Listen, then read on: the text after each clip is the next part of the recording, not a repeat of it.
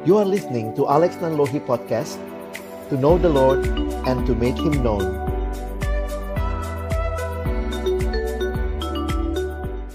Kita bersyukur kepada Tuhan untuk kesempatan boleh masuk di sesi selanjutnya dengan tema yang juga bahkan sudah kita nyanyikan tadi, sudah sempat diilustrasikan oleh uh, Kathleen tadi dan Kenny, thank you dan kita melihat tema yang penting ini waktu kembali kita refleksikan ayat yang tadi sama-sama sudah kita baca ya. Yohanes 3 ayat yang ke-16. Karena begitu besar kasih Allah akan dunia ini sehingga ia telah mengaruniakan anaknya yang tunggal supaya setiap orang yang percaya kepadanya tidak binasa melainkan beroleh hidup yang kekal. Teman-teman, Kak Alex ingatkan lagi. Ini bicara tentang apa? Pertama tadi the greatest loss yang kita sudah lihat. Betapa menyedihkannya hidup manusia yang binasa di dalam dosa. Tetapi jawabannya Tuhan yang berikan. The greatest love. Itulah tema sesi ini ya. Begitu besarnya kasih Allah akan dunia ini. Dunia tentu yang dimaksud adalah manusia. Dan kalau kita perhatikan, ini kasih yang benar-benar mengubah. Yesus datang ke dalam dunia bukan cuma seperti mungkin kita bayangkan seperti nanti yang bodoh jadi lebih pintar. Kalau itu mah nggak usah Yesus yang datang ya. Suruh aja guru yang datang atau mungkin dosen supaya yang bodoh jadi lebih pintar. Kondisi manusia keterhilangan terbesar bukan kebodohan. Tentu kebodohan itu menyedihkan ya. Tetapi bukan itu masalah utama. Lalu masalah utama manusia juga mas bukan masalah kurang pangan, kurang makan. Kalau kayak begitu ya Tuhan kan Tuhan tuh paling tahu deh masalah kita ya. Kalau Tuhan lihat, wih manusia nih kayaknya cuma kurang makan doang. Yang diutus ya mungkin petani agung ya, petani agung datang. Yesus datang sebagai petani agung ya. Nanti akhirnya kalung kita bukan salib, deh pacul gitu kali ya. Nah, lalu juga yang yang Tuhan tahu masalah terbesar kita bukan masalah makanan, bukan masalah uh, hukum misalnya, wah masalah manusia ketidakadilan. Betul ada ketidakadilan. Kalau itu yang Tuhan utus mungkin adalah hakim agung, ya. Tapi Yesus diutus sebagai juru selamat. Satu-satunya yang bisa membawa manusia yang binasa boleh hidup kekal. Nah, itu siapa yang bisa tuh? Kalau dari yang miskin jadi lebih kaya, ya udah datengin aja banker gitu ya, orang yang dermawan, yang kaya raya, mungkin dia bisa kasih duit kamu yang miskin jadi kaya.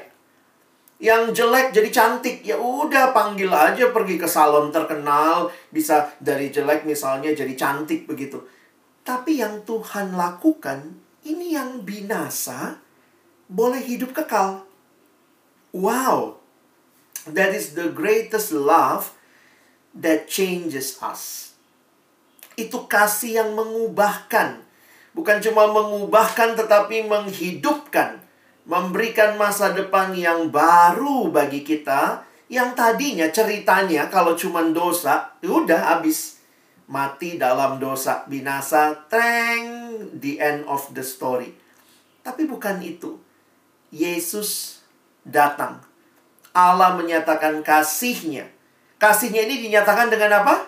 Ini tadi ya, the greatest gift. Mengaruniakan anaknya yang tunggal. Kalau teman-teman lihat terjemahan bahasa Inggris mengatakan the one and only son. Yang memberikan kepada kita itu tadi ya, hidup yang kekal. Yesus memberikan hidupnya itu hadiah yang terindah, yang terbesar yang Tuhan berikan bagi kita. The greatest gift dan apa yang terjadi? Itu terjadi dengan dia menyerahkan dirinya, nyawanya di kayu salib. Karena itu menarik sekali kekristenan berpusat kepada salib. Coba lihat, apa yang jadi simbol gereja? Salib. Kita kenapa nggak pilih simbol lain ya? Kan bisa aja apa misalnya simbol Kristen palungan, palungan gitu ya. Wih, nanti pakai kalungnya palungan gitu ya, lebih berat gramnya tuh ya. Atau uh, simbol Kristen Yesus kan tukang kayu, gergaji, gergaji gitu ya. Jika kalau ada lu berani macam-macam sama gua, nih gergaji gitu ya. Kenapa gereja memilih simbol salib? Salib ini kan adalah alat hukuman mati di masa penjajahan Romawi pada waktu itu. Apa yang menarik tentang salib ini? Yang menarik bukan salibnya, tetapi siapa yang tergantung di salib itu. Siapa yang dipakukan di salib itu. Dan apa yang dia bawa bagi kita. Bukti kasih Allah, dia memberikan anaknya dan anaknya bukan hanya datang hidup di dunia, tetapi datang menyerahkan nyawanya mati di kayu salib. Karena itu Kak Alex ingin kita melihat kekristenan bicara salib sebagai puncak penyataan karya Allah yang luar biasa. Saya menuliskan begini ya, salib selalu punya dua sisi. Sisi yang pertama, menunjukkan betapa seriusnya dosa kita. Bayangkan, untuk menyelesaikan dosamu dan dosaku, Allah mengutus anaknya. Berarti serius sekali dosa kita. Begitu mengerikan dampak yang dibawa. Tetapi pada kayu salib juga, pada saat yang sama, di sisi yang lain, kita melihat betapa luar biasanya kasih Allah yang tidak terukur. Apa yang dialami Yesus sebelum penyalipan kalau kita nonton film Passion of the Christ, kita melihat semua penderitaan yang luar biasa yang harus dia alami. Dia dicambuk, dia harus pikul salib. Sampai di dalam gambaran yang Mel Gibson buat dalam film ini. Saya pikir ini salah satu gambaran yang mungkin paling dekat dengan realita yang dialami. Karena kitab Yesaya mengatakan rupanya pun sudah tidak seperti manusia, sehingga kita menginginkan Dia. Teman-teman yang dikasih dalam Tuhan Yesus Kristus, Yesus membayar harga yang sangat mahal untuk penebusan kita. Betapa mengerikannya dosa. Karena itu kalau kamu masih main-main sama dosa, lihat salib itu. Lihat apa yang Yesus harus tanggung untuk menyelesaikan pergumulan dosa kita. Tapi di salib yang sama, lihatlah juga kasih Allah yang besar yang tidak mau engkau terus-menerus hidup dalam dosa. Karena itu Kak Alex kutip kalimat dari seorang pendeta bernama pendeta Billy Graham, almarhum.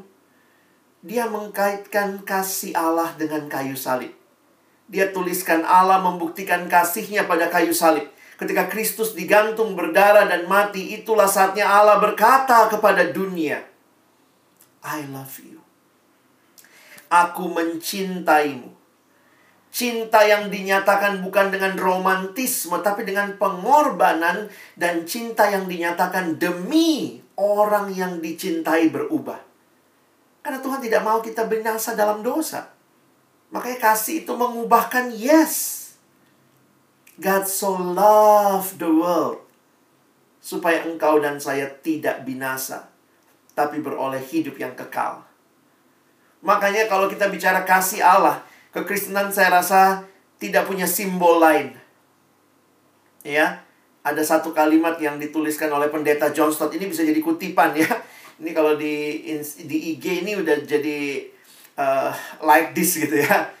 Banyak yang nge-like kira-kira ya. Kalimatnya begini. Nah, ini dalam bahasa Inggris. If we are looking for a definition of love, we should look not in a dictionary, but at Calvary. Teman-teman mau tahu kasih? Ini bukan buka kamus gitu ya. Di kamus kita dapat definisi kasih. Tetapi kita melihat kasih yang nyata itu di Calvary. Itulah kasih yang luar biasa. Kalau Korea-Korea gimana ya? Sarange, sarange ya begini ya. Pakai tanda gitu. Sarange, sarange ya. Tapi kalau kekristenan, this is not love. Bukan ini kasih ya. Lalu kasih yang bagaimana kak? This is love. Ketika Allah menyerahkan anaknya yang tunggal mati di kayu salib supaya engkau dan saya tidak hidup lebih lama dalam dosa tapi boleh beroleh hidup yang kekal. Apa yang terjadi di kayu salib? Perhatikan. Dosa telah dikalahkan di kayu salib. Kematian Kristus merupakan dasar pengharapan kita. Inilah janji kemenangan kita. Kenapa? Karena Yesus tidak hanya mati. Dia yang mati. Pada hari yang ketiga dia bangkit. Memberikan kepada kita kemenangan yang penuh. Dan harus dia lalui melalui karya salib dulu ya. Jadi ini satu paket ya. Mati dan bangkit. Salib merupakan satu-satunya jalan keselamatan. Tidak ada jalan lain dan salib memberikan tujuan baru bagi kehidupan. Karena itu, kita bisa alami the greatest salvation, hidup yang kekal. Nah, teman-teman ini generasi GPS ya. Posisi sangat penting. Termasuk juga posisi rohanimu. Di mana kamu sekarang? Masih menikmati hidup dalam dosa, akhirnya apa? Binasa. Ataukah engkau mau hidup dalam Kristus? beroleh hidup yang kekal. Jadi teman-teman, di dalam kehidupan kita bersama dengan Yesus kita harus memutuskan. Tuhan sudah melakukan karyanya yang luar biasa. Dan Tuhan memberikan kesempatan bagi kita. Di manakah engkau saat ini? Masih suka nikmati dosa? Ingat, upah dosa adalah maut. Ataukah engkau datang ke salib Kristus? tempat di mana kasih yang mengubahkan itu dinyatakan. Nah, inilah yang harusnya terjadi dalam hidup kita. Kalau saya pilih dosa, ya udah, kamu tidak mengalami kehidupan yang baru karena kehidupan yang baru hanya ada dalam Kristus. Karena itulah yang Tuhan nyatakan. Tapi kalau saya ada dalam Kristus, apa yang akan terjadi, Kak? Nah, we have the fifth, nomor yang kelima tadi ya We have the greatest privilege. Wow. Tetapi semua orang yang, yang menerimanya, kalau kita terima Yesus, kita percaya pada Kristus, diberinya kuasa supaya menjadi anak-anak Allah. Wow. Tadinya kita seteru-seteru Allah. Hidup di dalam dosa, hidup jauh dari Tuhan, kata Alkitab. Tapi waktu kita menerimanya, kita menjadi anak-anak Allah. Siapakah itu? yaitu mereka yang percaya, yang tadi menerima, percaya dalam nama Yesus. Wah, ini satu janji yang luar biasa. Saudara, kalau kita lihat Allah itu adalah penguasa segalanya, penguasa pemilik segalanya, lalu kemudian kita sadar, wow, kita dijadikan anaknya. Ini sebuah hal yang luar biasa. Apa yang Tuhan berikan? sebagai bukti bahwa kita anaknya. Wah, ini perhatikan Roma 8 mengatakan semua orang yang dipimpin roh Allah adalah anak Allah. Tuhan berikan rohnya yang kudus diam dalam hati kita. Perhatikan 2 Korintus pasal 1. Kalimat yang senada diungkapkan di sini. Coba baca pelan-pelan ya. Sebab dia yang telah meneguhkan kami bersama-sama dengan kamu di dalam Kristus ini Paulus bilang kepada jemaat Korintus ya. Dia adalah Allah yang telah mengurapi, memeteraikan tanda miliknya atas kita. Dan yang memberikan roh kudus di dalam hati kita. Sebagai jaminan dari semua yang telah disediakan untuk kita. Wow. Anak Allah, privilege-nya kita adalah anak-anak Allah kita adalah milik Allah, kita dipimpin oleh roh Allah. Nah ini sebuah hal yang menarik. Tuhan tidak hanya selamatkan kita supaya kita tidak masuk ke maut, ke kebinasaan, tapi Tuhan bawa kita kepada hidup yang kekal dan itu sudah dimulai sejak saat ini.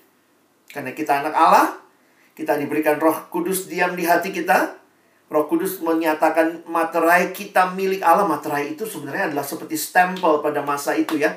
Jadi kalau misalnya saya punya, ini punya saya nih, maka itu dia materai, di seal, set gitu ya. Itu punya saya. Kita dimateraikan oleh Roh Kudus menyatakan kita milik Allah dan Allah memimpin kita, teman-teman. Jadi keselamatan kita terima. Sudah kita terima waktu kita terima Yesus. Tetapi kita harus hidupi itu. Ya, sampai nanti kita tunggu Tuhan datang kedua kali.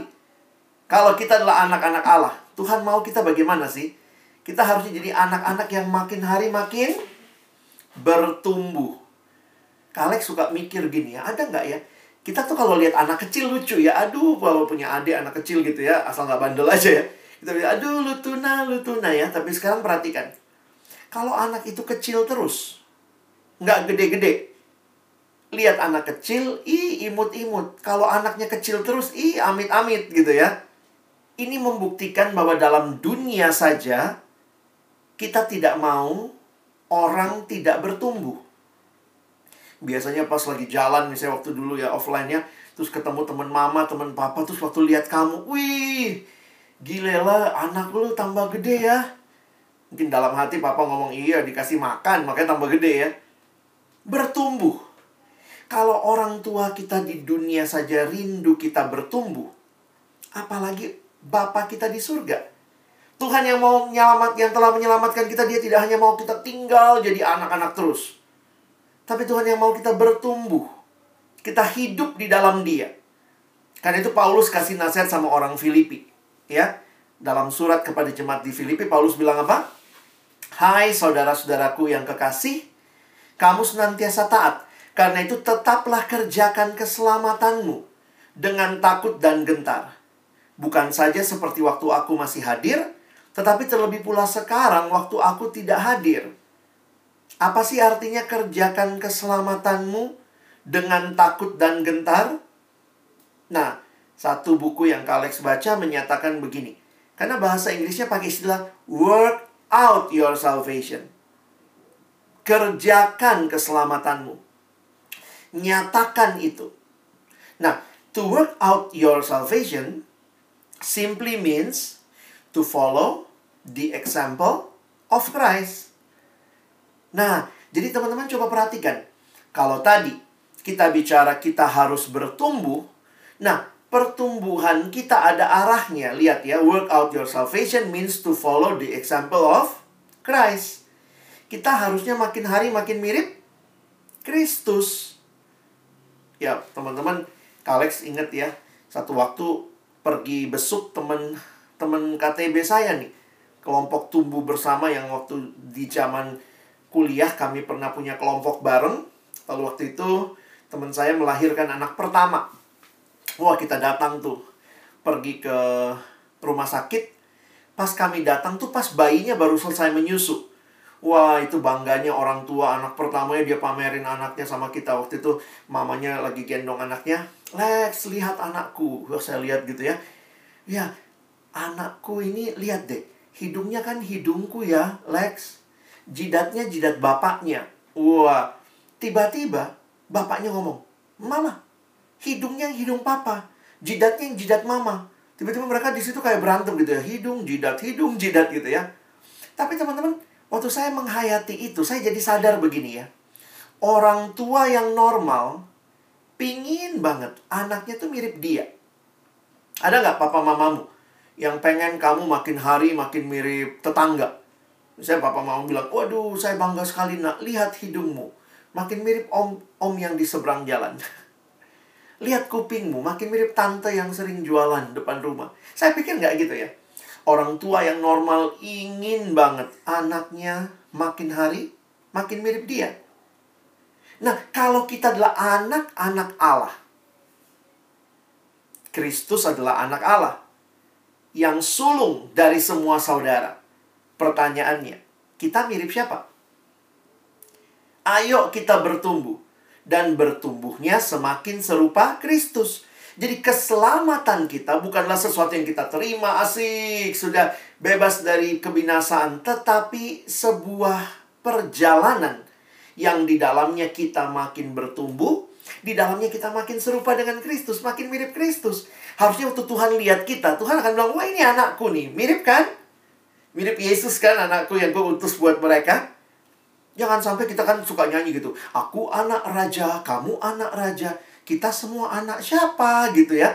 Kalau ternyata waktu Tuhan lihat hidup kita, ini anak siapa? Kok nggak mirip ya?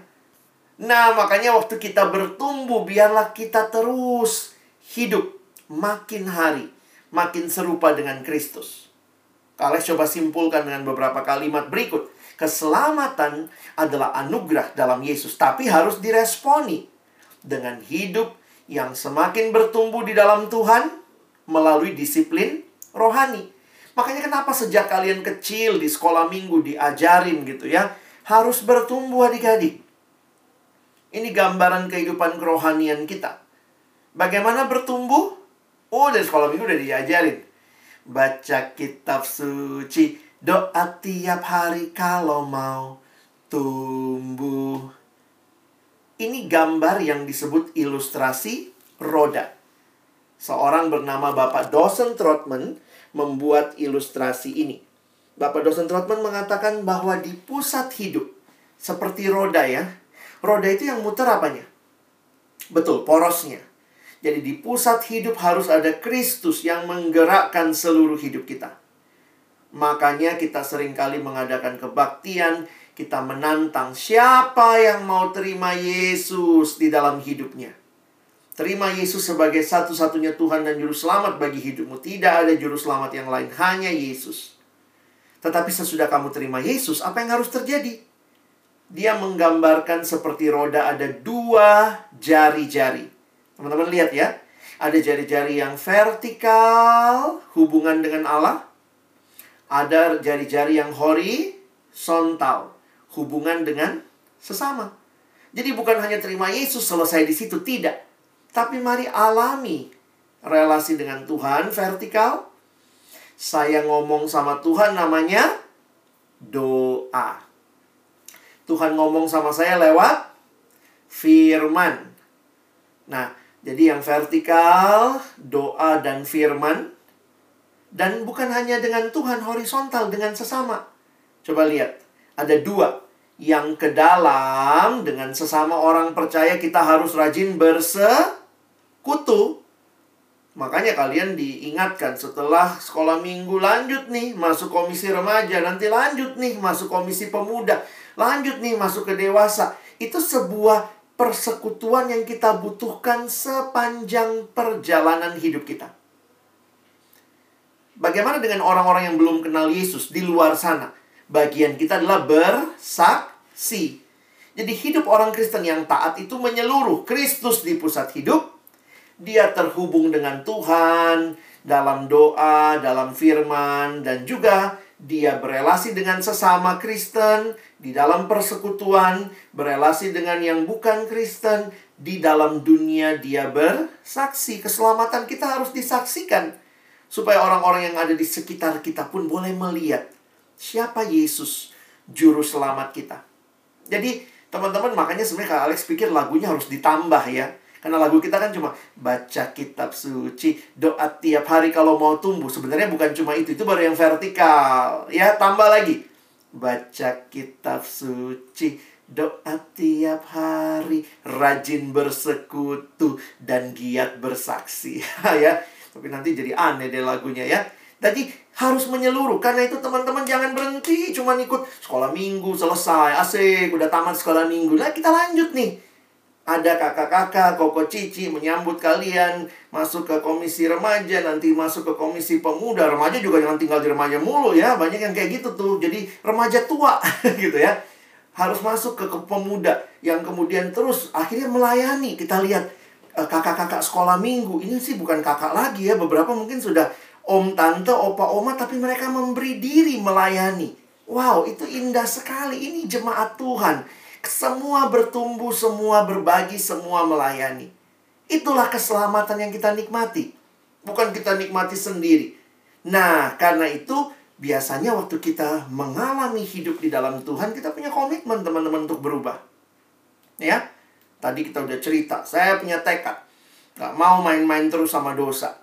Kita mesti punya tekad hidup berbeda dengan dunia. Kalau kamu hidup dalam Tuhan, hidupmu berbeda dengan dunia. Kamu bisa menjadi saksi Tuhan. Belajarmu beda. Orang bisa lihat nih, wah ini anak Tuhan nih. Dia belajar dengan sungguh-sungguh. Pergaulannya juga beda. Maaf nih, gambarnya terlalu tua nih ya. Ini koko cicinya kali ya. Pergaulan kita juga harus menyatakan kita adalah anak Tuhan. Jangan punya pergaulan yang mempermalukan Tuhan, tapi miliki pergaulan yang mempermuliakan Tuhan. Kadang-kadang kok uh, Alex suka sedih ya lihat anak-anak Tuhan, kok kita nggak bisa jadi trendsetter ya, malah jadi trend follower. Semua nyontek, kita nyontek. Itu mah trend follower. Semua bolos, kita ikutan bolos. Semua males, aku juga males gitu. No. Harusnya sebagai anak Tuhan kita bisa jadi trendsetter. Ketika semua malas, Tuhan tidak mau saya malas. Saya mau rajin. Lalu ajak temanmu. Will you follow me? Come, follow me. I'm a trendsetter. Saya tidak mau bikin tugas asal-asalan. Siapa yang mau ikut aku? Wah, gitu ya. Kenapa kalau yang sana, ah gue males, ah eh gue ikut dulu dong, gue juga males. Kita cuma jadi trend follower. Orang masuk jurang, kita ikutan dia masuk jurang. No. Bagi kita dalam Tuhan, kita jadi trendsetter. Karena kita tahu kebenaran. Kita tahu hidup yang benar harus seperti apa. Nanti sampai kalian kerja, ya. Di sini ada kakak eh, kakak-kakak yang sudah bekerja. Pekerjaan kita pun juga mempermuliakan Tuhan. Dapat posisi-posisi yang baik, kita memuliakan Tuhan. Dan juga termasuk di rumah tangga, ya. Kiranya semua punya kesempatan punya waktu-waktu berserah kepada Tuhan sebagai keluarga. Nah, indah sekali. Keselamatan kita, keselamatan yang dimulai dari kasih Allah, kasih itu mengubahkan kita supaya kita tidak binasa, tapi supaya kita hidup kekal. Hidup kekal itu bukan nanti, dimulai dari sekarang. Karena itu kasih itu mulai mengubah kita. Kita lihat perubahannya terjadi dari diri kita, bagi lingkungan sekitar kita, di gereja, di masyarakat, sampai di dunia. Wah, benar-benar teman-teman, ini kasih yang mengubahkan. Bukan hanya mengubah dirimu, tetapi Tuhan pakai kamu mengubah di sekitarmu, di mana pun engkau hadir. Engkau membawa damai sejahtera Tuhan. Teman-teman mau alami kasih ini? Kalian mau? alami kasih yang seperti ini, kasih yang memang Tuhan sudah sediakan, kasih yang Tuhan berikan melalui hadirnya Yesus Kristus? Ya, ayo kita berespon. Apa respon kita? Kalex lihat yang pertama yang masalah hati tadi ya. Ayo buka hati kita. Siapa yang menerimanya diberinya kuasa menjadi anak-anak Allah. Ayo kita buka hati kita, terima Yesus dalam hidup kita. Mungkin ada yang nanya, apa sih terima Yesus? Aku dari kecil udah ke gereja kok, Kak. Terima Yesus tuh apa sih? Nah, Kak Alex ingin menjelaskan. Saya memberikan pemahaman menerima Yesus dalam dua hal berikut ya. Terima Yesus tuh apa sebenarnya? Terima Yesus itu yang pertama, percaya. Percaya sungguh-sungguh bahwa cuma Yesus satu-satunya Tuhan dan Juru Selamatmu secara pribadi. Perhatikan kata kunci di Yohanes 3 ayat 16. Supaya setiap orang yang per percaya. Jadi percaya itu adalah benar-benar yakin bahwa tidak ada juru selamat lain. Kadang-kadang manusia dalam dunia suka gitu tuh. Minggu ke gereja, hari lain tetap ke dukun. Anak remaja bilangnya Yesus juru selamat, masih percaya zodiak. Kemarin gue diramal kak pakai kartu tarot. Saya bilang kamu kok main-main sama hal yang bukan dari Tuhan gitu ya. Hati-hati. Percaya bahwa tidak ada juru selamat lain. Hanya Yesus satu-satunya Tuhan dan juru selamat. Bukan kartu tarot, bukan zodiak, bukan bintang, bukan sio, tidak. Sungguh-sungguh percaya. Nah, siapa yang masih terombang-ambing? Aduh kak, kadang-kadang gue kalau lagi baik percaya Yesus. Kalau lagi nggak baik gue percaya sio. gue percaya feng shui. Gue percaya ini. Mari terima Yesus itu berarti kamu benar-benar percaya. Kalex menggambarkan kayak anak kecil ya. Anak kecil itu percayanya tulus ya. Coba lihat ya, ini kayak gambar gini. Waktu papanya bilang lompat, nak, dia lompat. Dia benar-benar percaya papanya pasti menangkap dia. Apakah kamu percaya sama Tuhan? Bukan cuma tahu tentang Tuhan ya. Mungkin karena kalian banyak yang sekolah di sekolah Kristen bisa jawab, Yesus adalah Tuhan dan Juru Selamat. Siapa Yesus buat kamu? Kamu bisa jawab secara teori.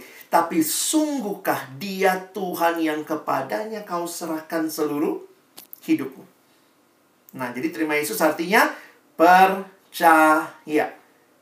Kak Alex dari kecil Kristen, dalam arti keluarga saya dari kecil sudah bawa saya ke sekolah minggu.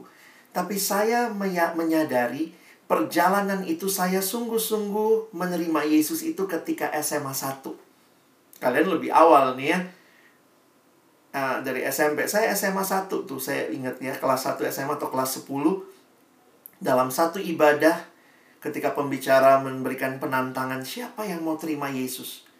Saya pikir selama ini saya cuma Kristen, Kristen KTP. Kristen tanpa pertobatan, Kristen tanpa perubahan. Ya karena papa gue Kristen, mama gue Kristen, masa gue agama lain? Ya udah gue Kristen aja. Tapi saya bukan menghayati bahwa Yesus engkaulah satu-satunya Tuhanku, juru selamatku. Nah, ini yang kedua ya. Terima Yesus juga berarti bertobat. Ada hal-hal kalau Paulus pakai gambaran kayak pakai baju ya. Ada yang ditanggalkan, ada yang dikenakan. Nah, di sini yang waktu itu Kak Alex sadar, saya Kristen dari kecil, keluarganya Kristen, tapi saya nggak pernah sungguh-sungguh menjadikan Yesus Tuhanku satu-satunya. Terus saya kok nggak bertobat ya? Hari ini terima Yesusnya, uh, apa sorry, bilangnya percaya Yesus, tapi ternyata hidupnya nggak berubah. Masih menikmati hal-hal yang tidak kudus, yang Tuhan tidak mau. Jadi terima Yesus itu percaya dan bertobat sungguh-sungguh. Ya, percaya dan bertobat. Dan waktu kamu bertobat, ingat ya, Tuhan mengasihimu. Kalex kutip kalimat pendeta Dr. Stephen Tong. Tuhan Yesus menolak dosa terkecil. Ayo bertobat. Tapi ingat, Tuhan menerima pendosa terbesar. Jangan bilang, aduh kayaknya Tuhan gak bisa terima gue ada kak. Gue dosanya banyak banget. no. Waktu saya sadari kalimat ini, yes. Ketika engkau dan saya bertobat, alami janji Tuhan bahwa Tuhan mengasihimu dan Tuhan memulihkanmu. Mazmur 32 ayat 5. Pemasmur Daud bilang begini, Dosaku kuberitahukan kepadamu, dan kesalahanku tidaklah kusembunyikan. Aku berkata, aku akan mengaku kepada Tuhan pelanggaran-pelanggaranku, dan engkau mengampuni kesalahan karena dosaku. Teman-teman, ayat ini bagi saya luar biasa. Tuhan waktu kita datang mengaku dosa kepadanya, Tuhan saya mau bertobat. Tuhan tidak mempermalukan kita. Tapi dia janji mengampuni kesalahan setiap kita. Karena itu kita bisa berkata apa? Kepada Tuhan, yes. Kepada dosa, no. Kepada Tuhan, Yes. Kepada dosa? No. Yes to God and no to sin. Oke, okay? jadi Kak Alex rindu sekali hari ini. Semua adik-adik yang dengar firman, ngerti kasih yang mengubahkan. Tetapi kasih yang mengubahkan itu menuntut kita juga meresponinya. Maukah kita buka hati kita? Terima Yesus sebagai satu-satunya Tuhan dan Juru Selamat dalam hidup kita. Kalex rindu sama-sama dalam waktu yang tenang. Kalau kalian masih gerasak gerusuk, Kalex harap semua boleh tenang. Kalau memungkinkan nyalakan cam kameramu. Kita akan sama-sama mengambil tekad di hadapan Tuhan. Kalex juga terbatas bisa lihat teman-teman semua. Tapi jika memungkinkan, kalau kalian di rumah agak kurang tenang, Coba tenangkan diri dulu, cari tempat yang baik. Dalam waktu ini, Kak Alex rindu kita boleh mengambil tekad keputusan di hadapan Tuhan. Sembari nanti Kak Alex akan memandu. Kak Alex rindu adik-adik di hadapan Tuhan.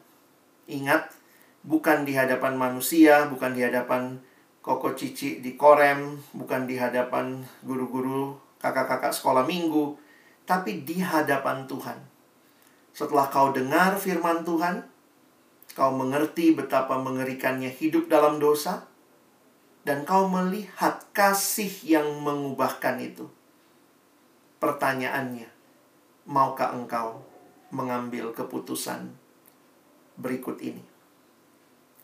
Kalex minta dengan kasih kalau kalian merasa ini keputusan yang kamu mau ambil, nanti Kak Alex akan kasih waktu untuk kita meresponi di dalam doa secara pribadi. Karena itu teman-teman, sebagai hamba Tuhan, izinkan saya pagi hari ini memberikan beberapa pertanyaan untuk kamu responi. Yang pertama, siapa yang berkata Tuhan di sini saya?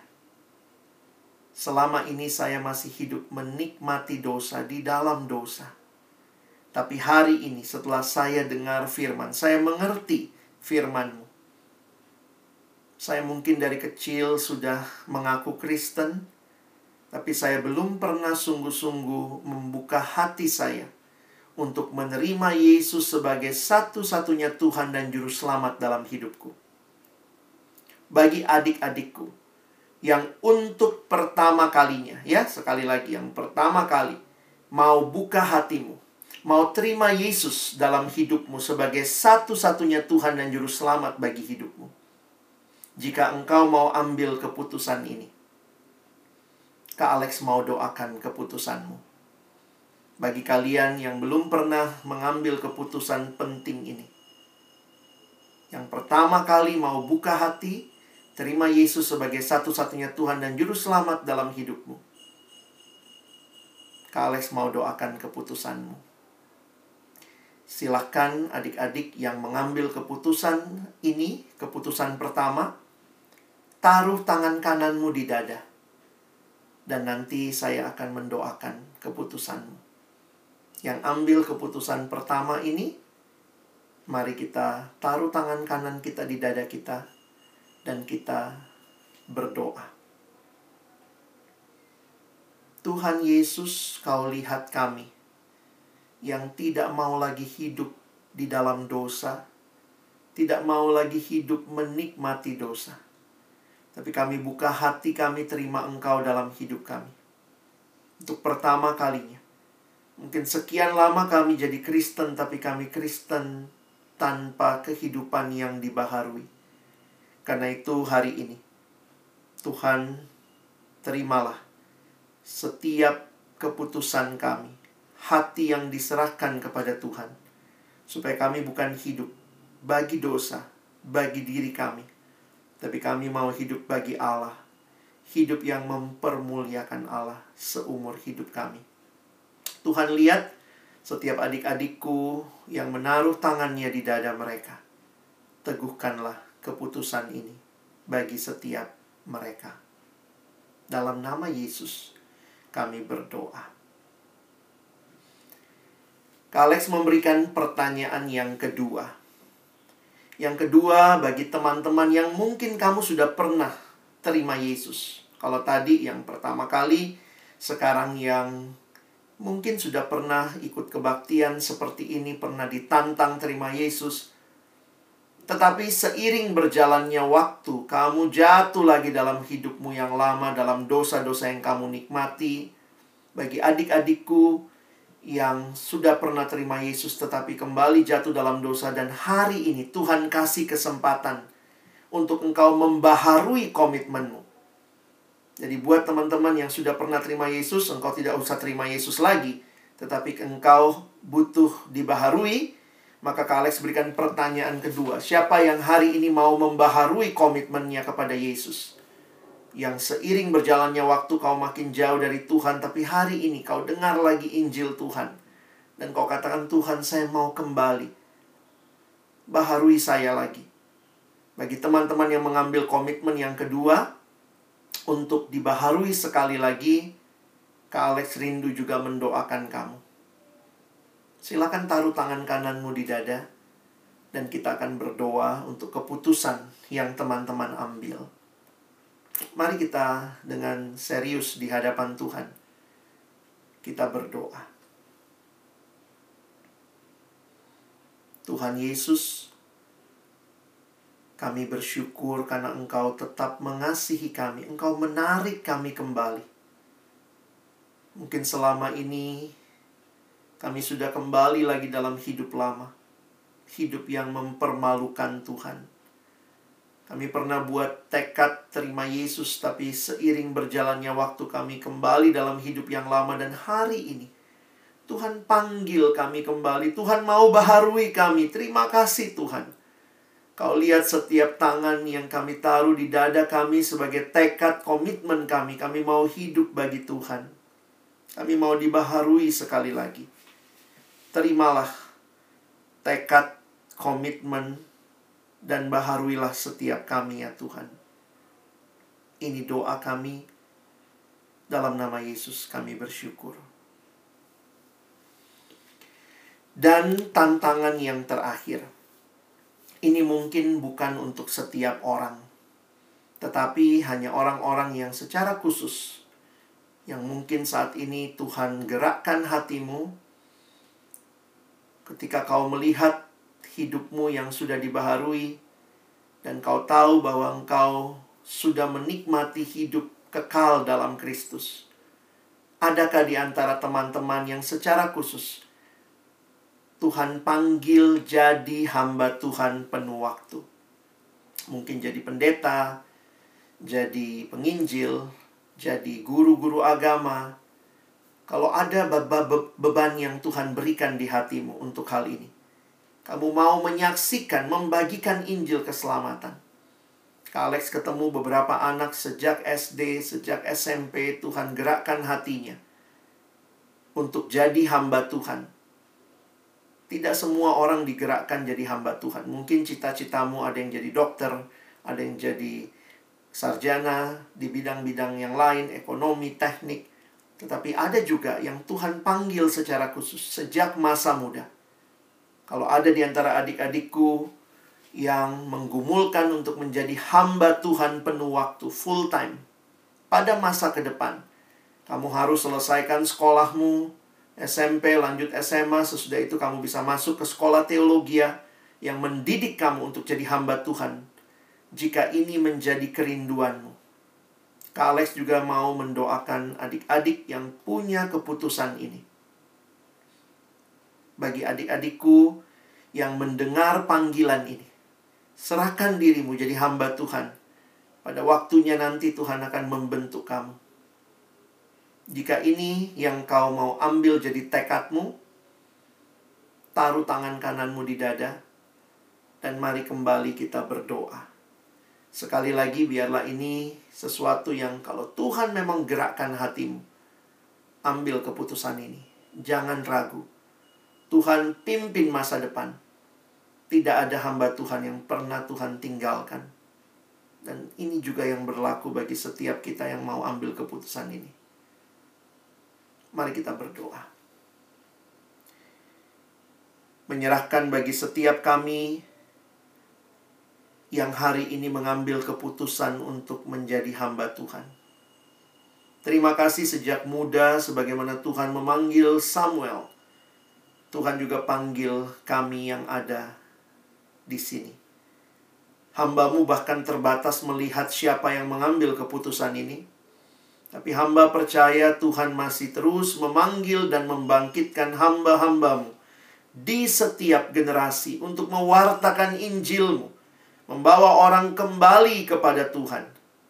Dan karena itu, hamba menyerahkan adik-adikku, teman-temanku yang ambil keputusan untuk menjadi hamba Tuhan penuh waktu saat ini, Tuhan mantapkan, teguhkan keputusan mereka.